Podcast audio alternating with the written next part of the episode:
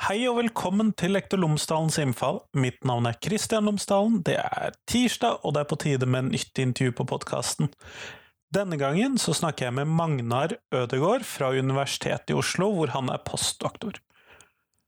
Magnar skrev sin eh, doktoravhandling om uro i klasserommet, og forsker videre på dette nå som postdoktor, så jeg skal snakke med han om uro i klasserommet.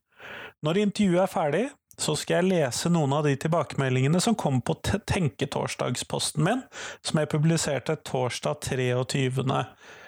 juli. Hva er den største utfordringen for norsk skole? Så det kommer etter intervjuet. Men først nå så får du Magna Rødegård, og vi snakker om uro i klasserommet.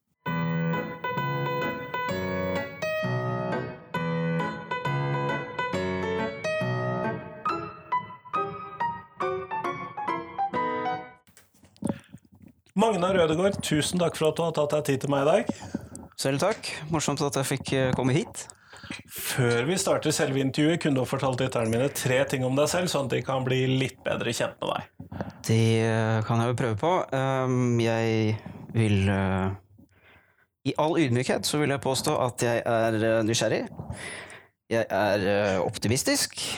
Og så er jeg lidenskapelig opptatt av det arbeidet jeg holder på med. Og kan jeg legge til en siste ting? Yes, gjør det. Det, det er litt juks, da. Ja, men, men juks er vi for. Ja, veldig fint. Jeg vil påstå jeg, jeg, jeg er veldig munter. Men også seriøs, selvfølgelig. Men jeg pleier å ta med meg et så godt humør som jeg kan inn i det jeg holder på med. Og det er viktig. Ja. Og til daglig så jobber du som postdoc ved Universitetet i Oslo. Det er helt riktig. Og du har jobbet med uro i klasserommet, og da må vi jo først starte med Når vi da snakker om uro i klasserommet, hva mener vi da? Det vi mener da altså Det er et ganske stort, stort begrep. da. Det som har når jeg gikk gjennom en del av litteraturen og sånn for å finne en definisjon, så er det altså Det måles på mange måter. Det er ulike definisjoner på det. Altså er det et regelbrudd, er det noe annet? Men definisjonen som jeg har landet på, det er at det er enhver en atferd som oppleves som tilstrekkelig utenfor det som skal foregå, og at det som da forstyrrer ja, lærere eller medelever. Så essensen er at det kan være så lenge det forstyrrer noen, og at den enkelte opplever det som forstyrrende, så kaller vi det uro. Men skal jeg da tolke det sånn at det finnes definisjoner på uro i klasserommet som er hva skal vi kalle ganske strenge, sånn at det må være regelbrudd, ja. mens du har en mer åpen definisjon, da? Det er helt riktig. Det som jeg, eller vi, da, har prøvd på, er å altså, åpne for opplevelsen til elevene og lærerne. Og med andre ord, da, for det er jo sånn altså, som som du og også jeg vet, er jo at vår virkelighet, den eier vi selv. Ikke sant? Vi kan sitte her i dette rommet, og jeg kan ha hatt det kjempegøy og tenkt at dette blir en knallbra podkast. Og så går du hjem og klipper, og så finner du ut at dette var ikke en knallbra podkast. Så vi har vært i samme situasjon, men vi har hver vår opplevelse av den situasjonen. Og det er det vi åpner for, da. At det, det, er, det er lov å eie sin egen opplevelse. Uten at det nødvendigvis er noe feil med det. Så selv om en elev kanskje ikke bryter en etablert regel, så må man fortsatt forstyrre. Sånn for da har du jo eleven som snakker høyt, f.eks. om noe passelig faglig i en situasjon, men som kan være forstyrrende hvis det ikke er det kan være, men da er vi også, er vi også inne på en, sånn, altså en type uro som kan fremme læring. Altså det er jo en bevegelse i det urobegrepet. Det, det signaliserer at man beveger seg imot et eller annet. At elevene er aktive. da. At ikke de er passive lyttere som sitter og bare hører på og mottar, for det, det, det er de jo ikke. Eh, du, I vår veldig korte introduksjon, du er jo lektor slash lærer selv, ikke sant? og det er, jo, det er jo ganske aktive folk, dette, som, som, har meninger, og som tenker og er kloke. Men det som oftest skjer, da, sånn hvis vi skal gå på det som helt konkret forstyrrer, er at man snakker uten å rekke opp hånden eh, om ting som ikke har noe med faget å gjøre. Det er det som dominerer helt klart i det utvalget som jeg har da i min avhandling. Og det kjenner jeg igjen fra klasserommet mitt, at det, det, er ikke mye sånn, hva skal vi kalle det, alvorlig uro. Det er mye Nei. lite alvorlig uro, men som mm. forstyrrer en del. Ja, og, ganske, og, mange små ting kan jo bli ganske alvorlige, da. Det er noe jeg har forsøkt å argumentere for. Altså, man har uh, den alvorlige uroen, f.eks. mobbing og vold og rus. ikke sant? Altså det, Det må vi ta tak i, og det er kjempealvorlig, men jeg har valgt å fokusere på en såkalt mild eller moderat form. da. Som, som, Hverdagsuroen. ja, hverdagslig uro, for å kalle det det. da. Ja. Eh, Som skjer hele tiden. For det, det fins ganske god dokumentasjon på at det er en del lærere som finner det mest stressende. da. Fordi dette foregår i klasserommet. Hver dag. Hele tiden. Nettopp. Og det er klart det kan jeg forestille meg er ganske krevende, da. Å stå i. Men dette foregår hver- dag. Vet vi i hvor stor grad eh, norske skoleelever opplever at de blir forstyrret i klasseromsituasjonen? Eh, akkurat det, nå har vi jo sett på amerikanske eh, elever òg, da. Altså på mellom 15 og 17 år. De sier at det forstyrrer dem middels, ikke sant. Eh, og kanskje det betyr at de klarer å hente seg inn igjen da, etter å ha blitt forstyrret litt raskere enn de norske. Men de norske, i de funnene som vi har, så tyder det på at de, de finner det ganske forstyrrende. Altså at de, eh, de resetter arbeidet sitt, ikke sant. Og det blir sånn stopp-start hele tiden. da. Eh, som gjør at da læringen forringes. Nettopp, nettopp. Og når vi da, for da er det jo typisk sett sånn prating høyt, forstyrrende klassekamerater, den Ja. typen forstyrrelser som det er en del av. Eh, svarte elevene noe om eh, hvordan man tror at man kan få bukt med dette, eksempel? Eller eh, gjorde de noen sånne type vurderinger inn i undersøkelsen dere gjorde? Eh, at, altså det der er litt eh, det er krevende å svare på, for man anbefaler jo ofte sant, forebyggende eller proaktive strategier da, fra læreren sin side. Ikke sant? Man skal komme i, komme i forkant og, og forhindre at uro oppstår. Det som oftest skjer, er jo altså reaktive ting, altså at man reagerer på uro når den har oppstått. Og det betyr ikke at jeg er noen motstander av forebygging, jeg har veldig sterk tro på det, men vi må se på de tingene som faktisk foregår. da. Det blir ofte reaktivt. Nettopp. Og, og det har vi undersøkt, altså hvorvidt det fungerer. Altså hva lærerne gjør. ikke sant? Legger de en hånd på skuldra? Står de og altså, Brøler de til elevene at de skal være stille? Spør de dem høflig? Uh, hva, hva er det de gjør, da? Men i det utvalget vi har, som dette trengs det mer undersøkelse på, uh, som vi også holder på med, men i det utvalget vi har, så, så lenge elevene kan se en reaksjon fra læreren sin på den uroen som foregår, så, så hjelper det noe men den kan fortsatt blusse opp igjen. Så det blir ikke stille, men det demper det til en viss grad, da. Men hvis vi da skal snakke litt, starte først med det proaktive, da, så Mm. eh, hva slags type strategier er det man regner som sånn proaktive strategier? En typisk strategi er jo det med sant, tydelige klasseregler, at man, eh, man sier man skal være en tydelig voksen, ikke sant, og, og dyrke forutsigbarhet og de tingene der. Og så er det jo en del programmer som settes inn. Ofte så er jo de rettet mot barneskole. Nå er jo jeg undersøkt ungdomsskole og videregående skole. Og av det jeg har sett, da, så er det ikke så mye der på den milde til moderate uroen. Så å svare på hva man bør gjøre i forbindelse med proaktiv Men det å være tydelig voksen er hovedsaken, da. Ja, altså lage en forutsigbarhet av trygge rammer, sånn at elevene vet hva de går til. Nå kommer du som lærer, ok, du, du gjør det sånn, eh, og selvfølgelig også ta med elevene på det. Altså, presentere ideen. Er dere med på dette? Er dere komfortable med at dette rommet skal foregå på denne måten? Eh, ha en sånn, altså, dere skal lage, eller skal lage, nå høres det veldig bastant ut, men å lage et trygt og godt klassemiljø sammen, da. Det er en idé som jeg tror eh, Jeg tror det kan være et godt startsted. Nettopp, nettopp. Eh, Men når vi da eh, skal over på de reaktive metodene, så nevnte du blant annet ta på skulderen, Mm. eh, brøle høyt til. Eh, jeg ha, har jo eh, sett det skje også, men, Mm. men det er jo litt lett å le av bildet. Eh, men er det noen andre sånne strategier som uh, du trek, vil trekke fram ut ifra forskningen din av reaktive mønstre? Ja, som, noe som er interessant med det, da, det er at ah, altså, hvordan man reagerer på et ubehag eller en forstyrrelse Veldig mange av de reaksjonene man har på det, er såkalt prereflektive. Altså, man gjør det før man, man tenker seg ikke nødvendigvis om, man bare reagerer. Uh, så det er ikke så, nødvendigvis så lett å forklare hvordan det ser ut, men i forbindelse med det da, så har vi et forskningsprosjekt nå som er en videreføring av det som er i uh, doktoravhandlingen min, som går på det, ikke sant, hva er det lærerne, hvordan håndterer de uro? Så vi spør dem, da, lærerne, hva gjør dere når det oppstår, ikke sant? Og grunnen til at vi gjør det, er jo for å ikke sant, undersøke hva er det de faktisk gjør, altså sette ord, få frem Gjøre de implisitte tingene eksplisitt, da. Ikke sant? Og fortelle til verden dette sier lærerne selv at de gjør.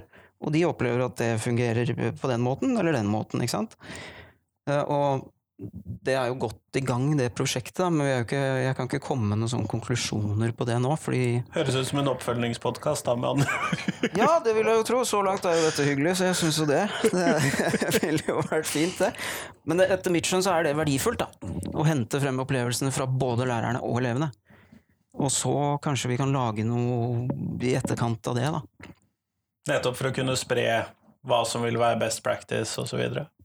Ja, altså, ja. Best practice er et litt skummelt begrep da, for meg, men eh,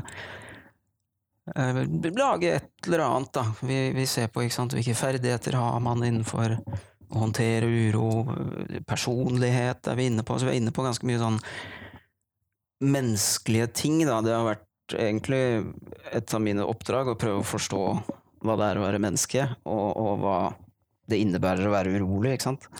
På et uh, fenomenologisk eller filosofisk plan, da. Det har vært uh, egentlig prosjektet fra starten, å prøve å få inn litt mer sånn eksistensielle faktorer, da, i det samspillet som skjer i et klasserom.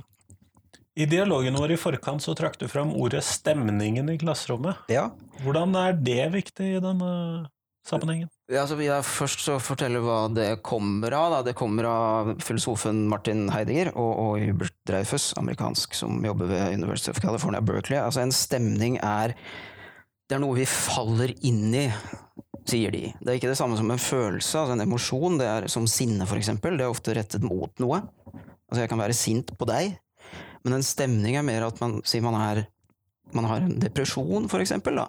Da ser jo verden relativt dyster ut, versus hvis man er i et veldig sånn oppløfta, godt humør. Da. Så dette med stemning, det de sier, da, er at eh, en generelt munter person vil bringe med seg lys og glede, mens en generelt nedstemt person kan Altså for den så kan verden fremstå som kjedelig og uinteressant, for eksempel.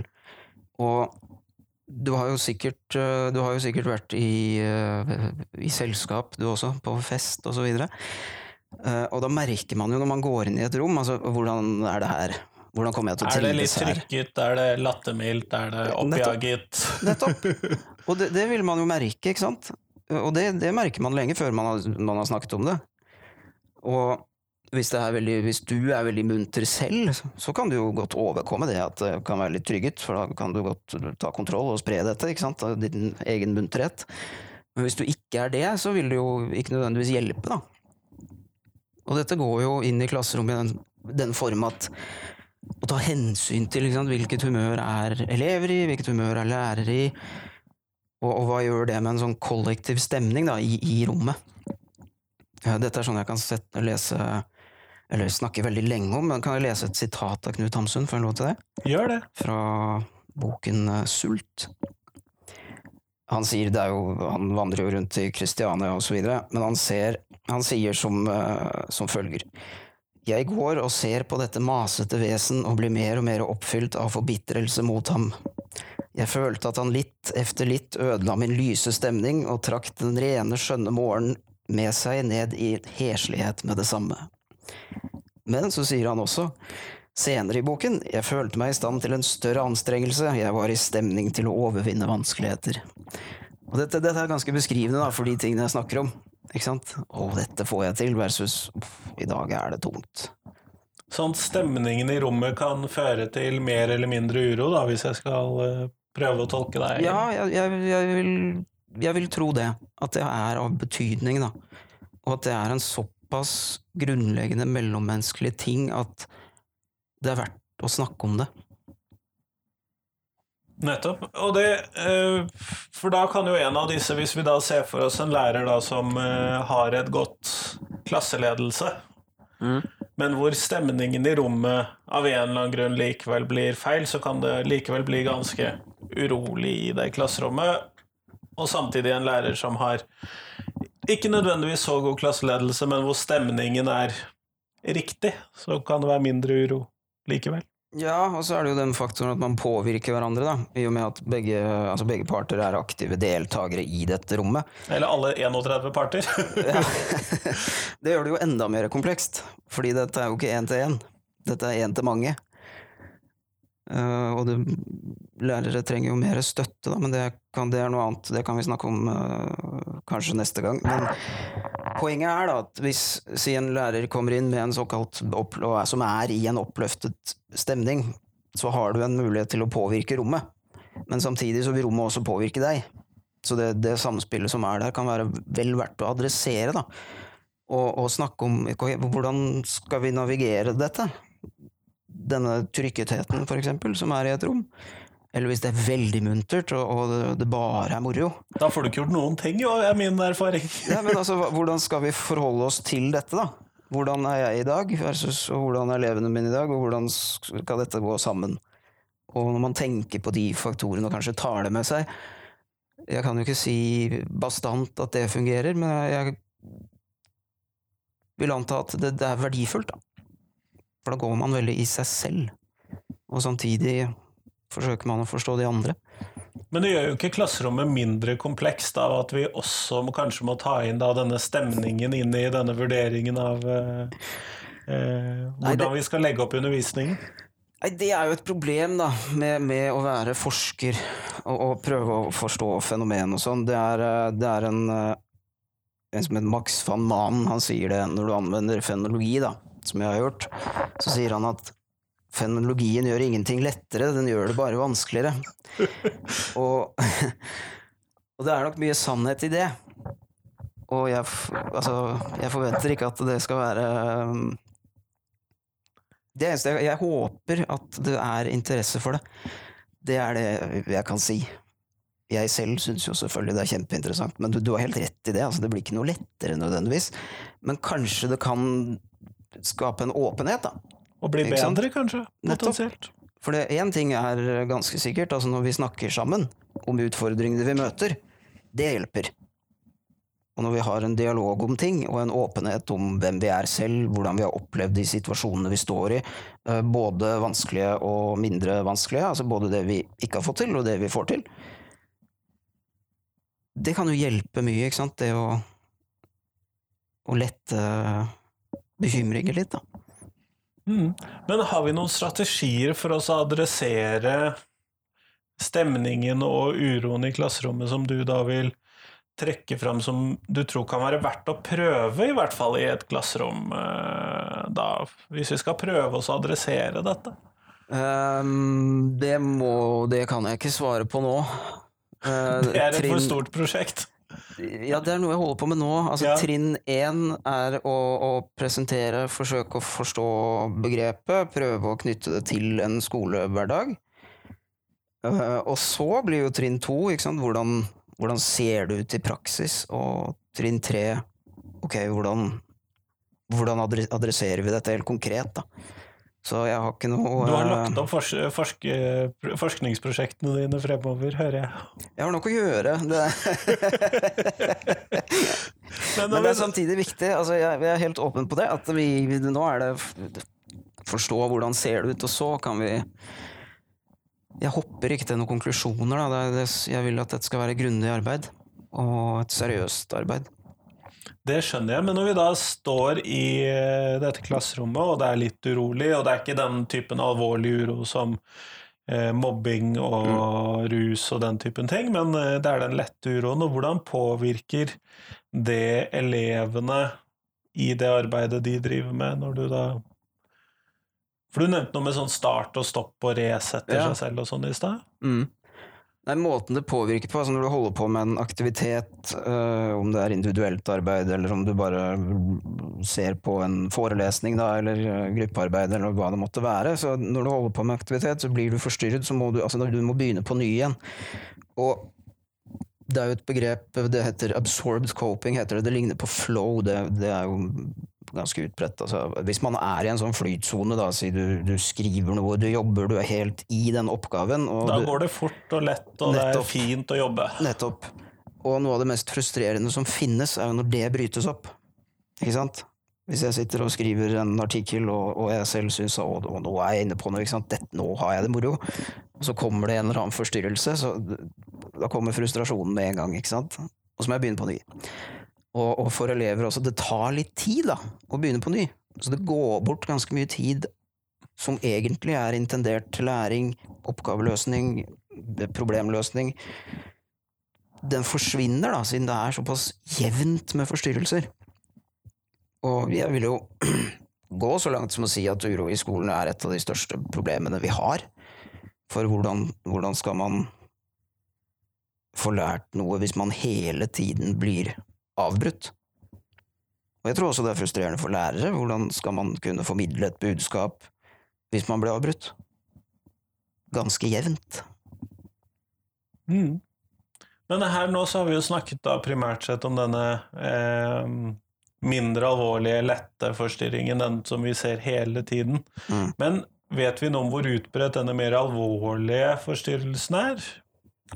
Altså det, det er eh, Da beveger vi oss inn i et område som eh, Da ville jeg tilkalt en annen enn meg, for det er ikke det jeg har sett på primært. Da, men, men det jeg kan si, altså det er jo en mindre andel elever. Det er det. Ja. Eh, og det er ganske mye Det er veldig mye god forskning på det. Men den har ikke jeg Jeg vil ikke ta så mye i den nå. Fordi Nei, mitt primærområde er denne Altså Argumentet er at mild til moderat uro, når det er så mye av det, så blir det et alvorlig problem fordi det gjelder i klasserommet.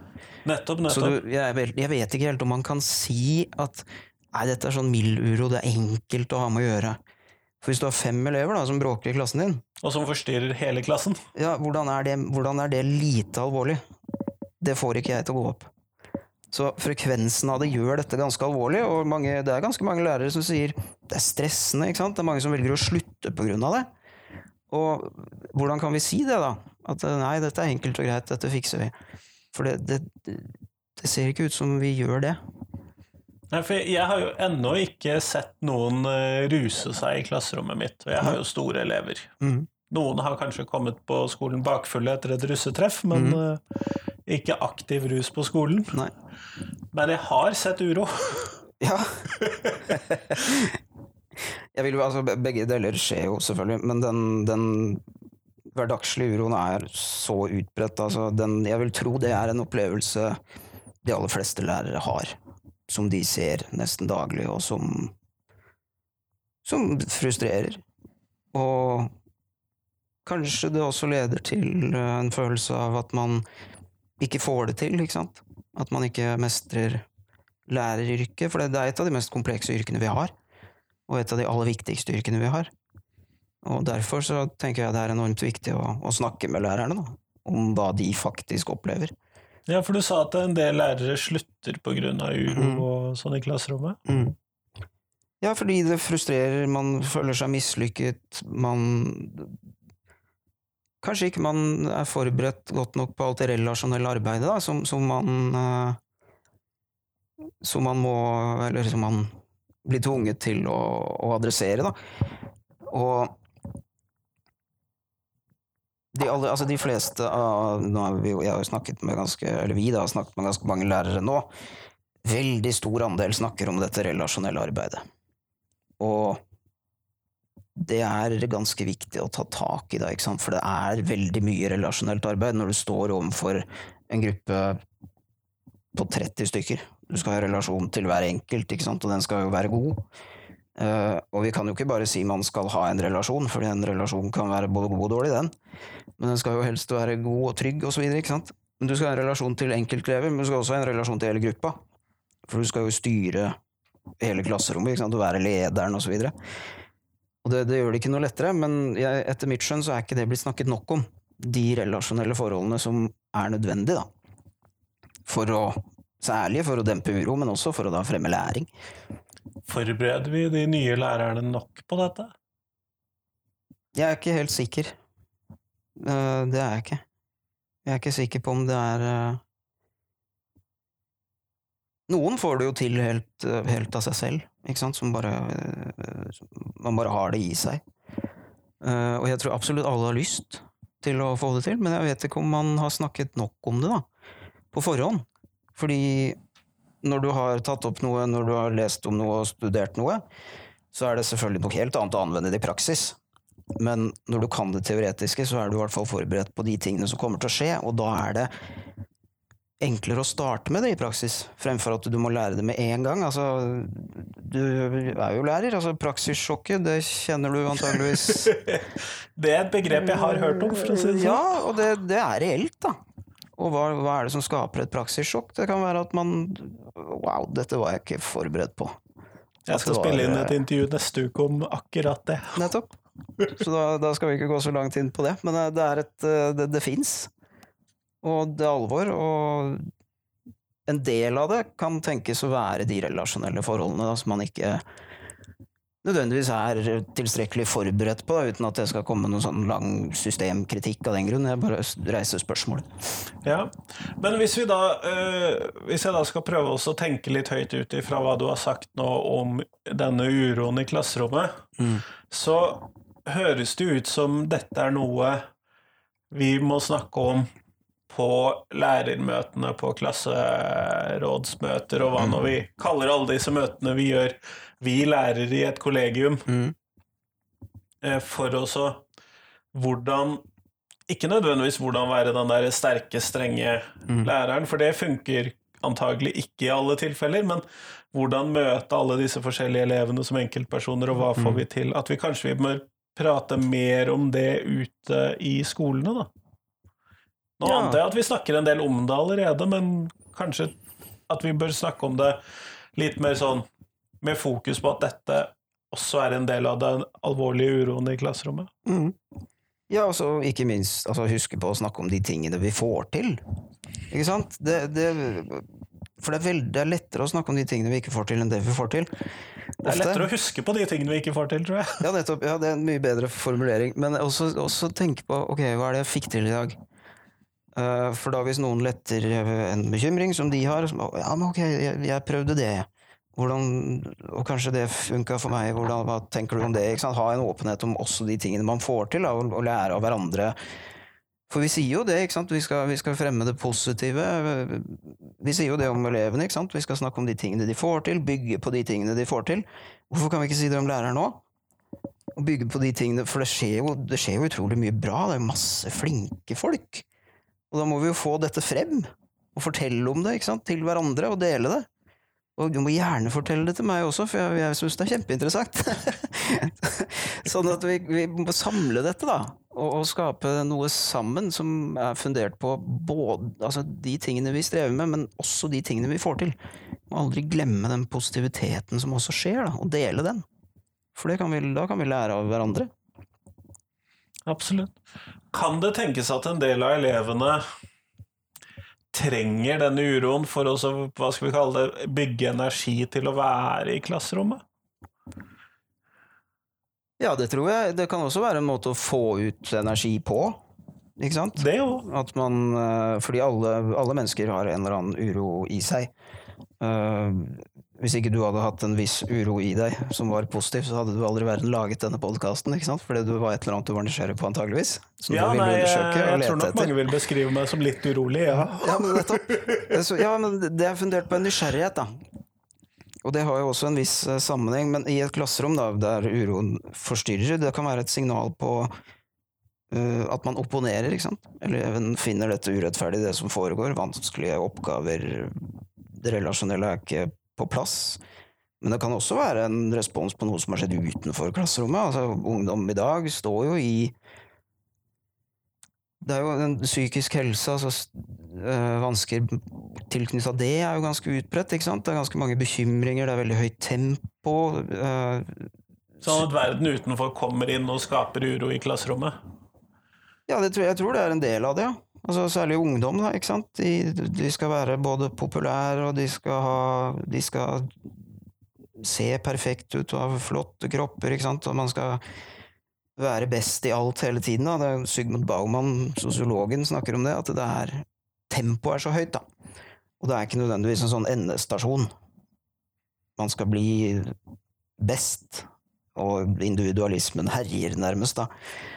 Og det er klart, det, det skaper jo bekymring, ikke sant, når man ikke helt uh, jeg vet ikke hva jeg skal bli, men jeg skal være best. Og, Det er en vanskelig situasjon, jeg er enig i det. ja, men jeg tror den er ganske reell. Ja, ja. Selv om vi kan selvfølgelig kan vi le av det og sånn, men jeg tror det er ganske reelt.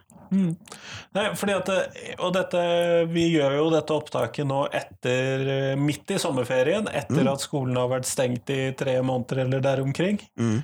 Eh, og en av de tingene som jeg syns, med tanke på uro, som Mm. jeg syns var veldig interessant å se i dette, var at eh, du hadde den gruppen med de stille elevene som alltid arbeidet fint, men som stort sett kanskje har blitt forstyrret av andre, Mm. jobbet bedre hjemme.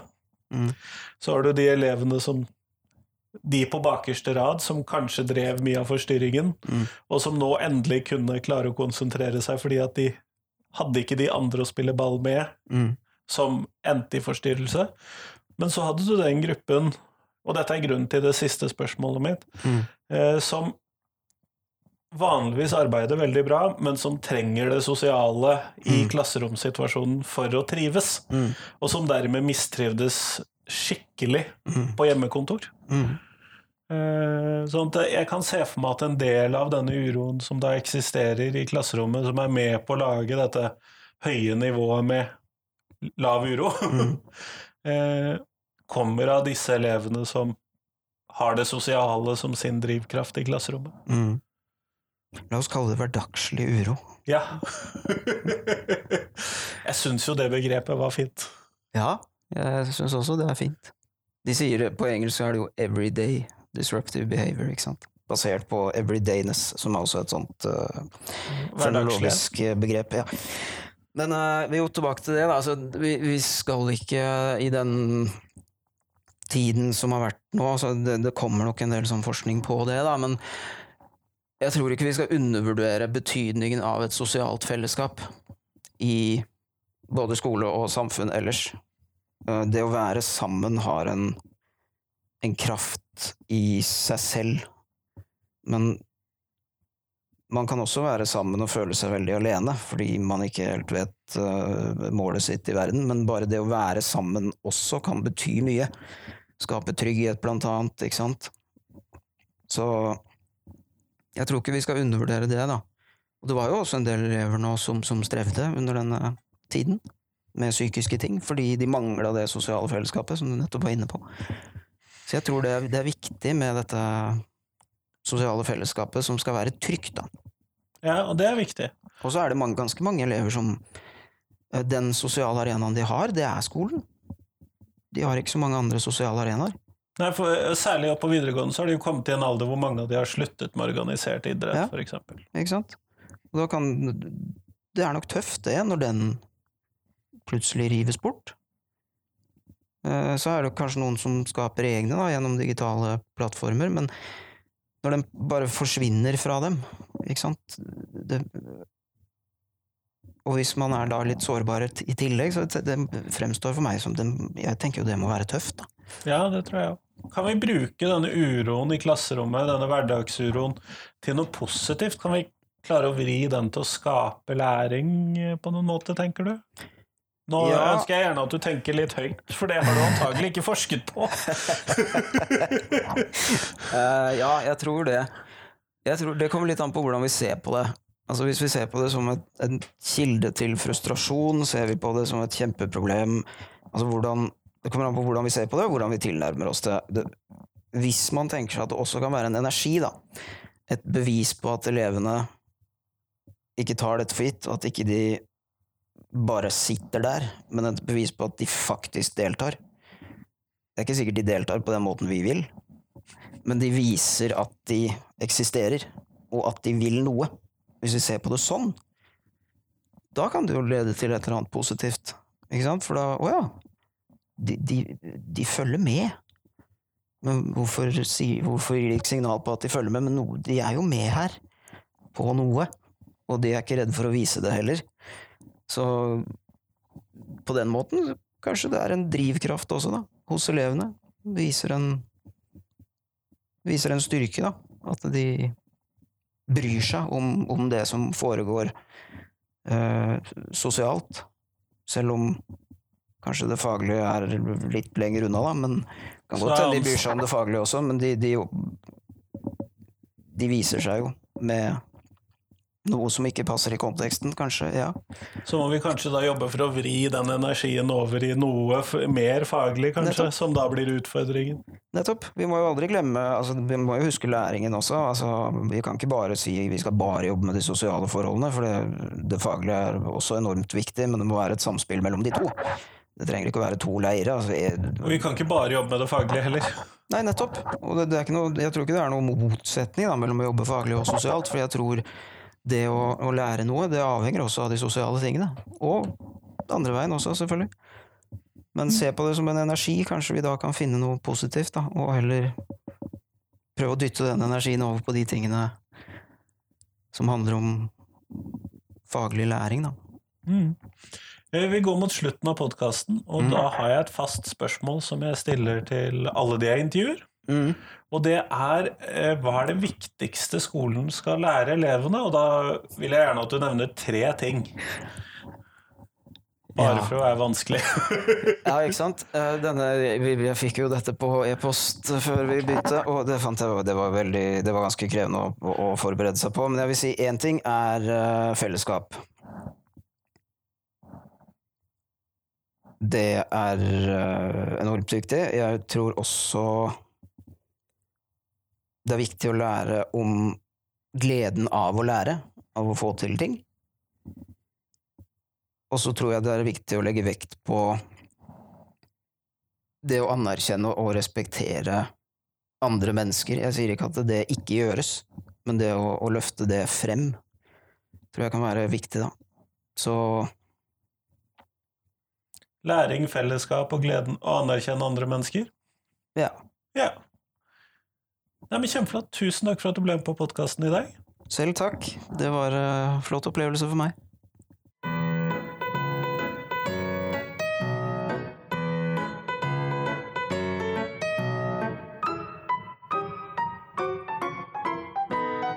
Tusen takk til Magnar, og tusen takk til deg som har hørt på. Nå er det noen dager igjen til neste episode. Den kommer på fredag, siden det nå er sommerferie og det kommer dobbelt så mange episoder av gangen. Nå som episoden er slutt, så tenkte jeg at jeg skulle lese noen av de tilbakemeldingene som har kommet på podkasten, eller vil si på Tenketorsdagsposten min, som jeg har postet som en del av podkastens aktiviteter. Eh, ukens spørsmål det var hva er den største utfordringen for norsk skole? Det kom 23. juli. Hvis du går inn på Twitter eller inn på Facebook, f.eks. på Facebook-siden til podkasten, så finner du eh, den posten på 23. juli, og så kan du skrive inn der hvis det er noe annet du tenker på enn det de som har svart på den allerede, tenker på. Og det er veldig mye forskjellig som trekkes frem.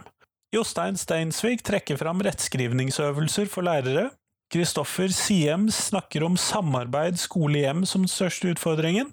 Bjørnar Sandvold, her skal jeg lese hele posten. Den største utfordringen, slik jeg ser det, er stadig nye arbeidsoppgaver, gjerne byråkrati, dokumentasjon, som stjeler tid fra det vi egentlig bør drive mest med, undervisning. Det skal presses stadig mer inn i den begrensede tiden vi har til rådighet, så enten må det kuttes i arbeidsoppgaver, eller så må det kuttes i undervisningstimer per uke. Sitat slutt. Dette er det relativt mange som har trukket fram, sånn at jeg tror nok at dette er noe som oppleves som et problemstilling for veldig mange. Hans Jørgen Hamre derimot trekker fram, og jeg siterer, i Oslo-skolen begynner det 800 elever hvert år på videregående som ikke har forutsetninger for å fullføre, og finne alternative utdanningsløp som kan gjøre denne gruppen til selvstendige voksne samfunnsborgere, er en stor og viktig utfordring. Og dette er jo en problemstilling som vi har tatt opp knyttet til frafall tidligere, og som er en viktig problemstilling. Og da har det også kommet inn en del svar om at eh, den teoretiske skolen ikke er for alle, og det er nok viktig å tenke på.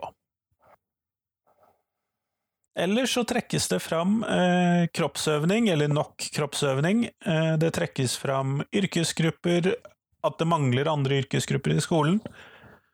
Og det trekkes fram eh, Og her er en interessant en, og jeg skal lese fra Håkon Hovda. Den største utfordringen er at verken lærere eller elever skjønner hva de skal lære, og hvorfor. så kunnskapen blir i stor grad uten mål eller mening. Inne på Status lærer så trekkes det mye fram ulike former for politisk innblanding i skolen. Altså at politikerne blander seg inn i styre og stell, og på den måten tar jobben vekk fra de som burde kunne si mer om den, oversatt fagpersonene, enn de andre. Eh, og det ser ut til å gå igjen her, for å si det sånn. Ellers så har det oppstått en stor diskusjon knyttet til eh, dette med god undervisning som kunstform eller vitenskap, eh, og om læreren Hva som skal til for at læreren skal kunne lære bort. Det kan du finne inne på Status lærer, så da kan du gå inn og melde deg på den diskusjonen hvis du syns det er interessant. Ellers så trekkes det fram selvfølgelig ting som store elevgrupper, Eh, for lite tid til hver enkelt elev, eh, overfulle rom, osv. Og, og dette med one size fits all som en problemstilling. Ellers er det skoleøkonomi, pengene som mangler, osv. Så eh, sånn at det er mye kjente problemstillinger som trekkes fram her. Eller så trekker Martin Taulov fram, og da skal jeg sitere, fordi dette er et interessant poeng. Jeg skriver blogginnlegg og nå siterer jeg. Jeg skriver blogginnlegg om utfordringer i norsk skole, oversetter dem til engelsk og publiserer dem til lesere fra hele verden. Jeg trenger ikke å endre innholdet i det hele tatt, alle kjenner seg igjen. Det at dette er mulig, er det største problemet i norsk skole og alle andre skolesystemer. Det er fantasiløst og foreldet. Vi har en skole der det å slå sammen norskkarakterer på ti skoler et par år, som et prøveprosjekt, blir ansett som spennende og edgy. I gåseøyne. Eh, min anmerkning der. Sitat fortsetter, jeg mener ikke å være kjip, men jeg skulle inderlig ønske meg en skoledebatt med substans. Hvis vi sitter her og diskuterer ernæring når neste valg kommer, så melder jeg meg ut. Sitat slutt. Og det at disse problemstillingene er eh, globale, tror jeg kan være et viktig poeng. Men i hvert fall, gå inn og se på de ulike debattene som er blitt skapt. Jeg har postet denne posten på LinkedIn, Facebook, Twitter, på sidene til podkasten. Og jeg har postet den på gruppene Status lærer og på koronadugnad for digitale lærere. Sånn hvis du har lyst til å se denne debatten. Men i hvert fall fram til fredag så håper jeg at du kan ta deg tid til å dele podkasten min med noen som du tror vil sette pris på den. Og så håper jeg at enda flere får høre Lektor Lomsdalens innfall. Ha en fin uke. Hei, hei.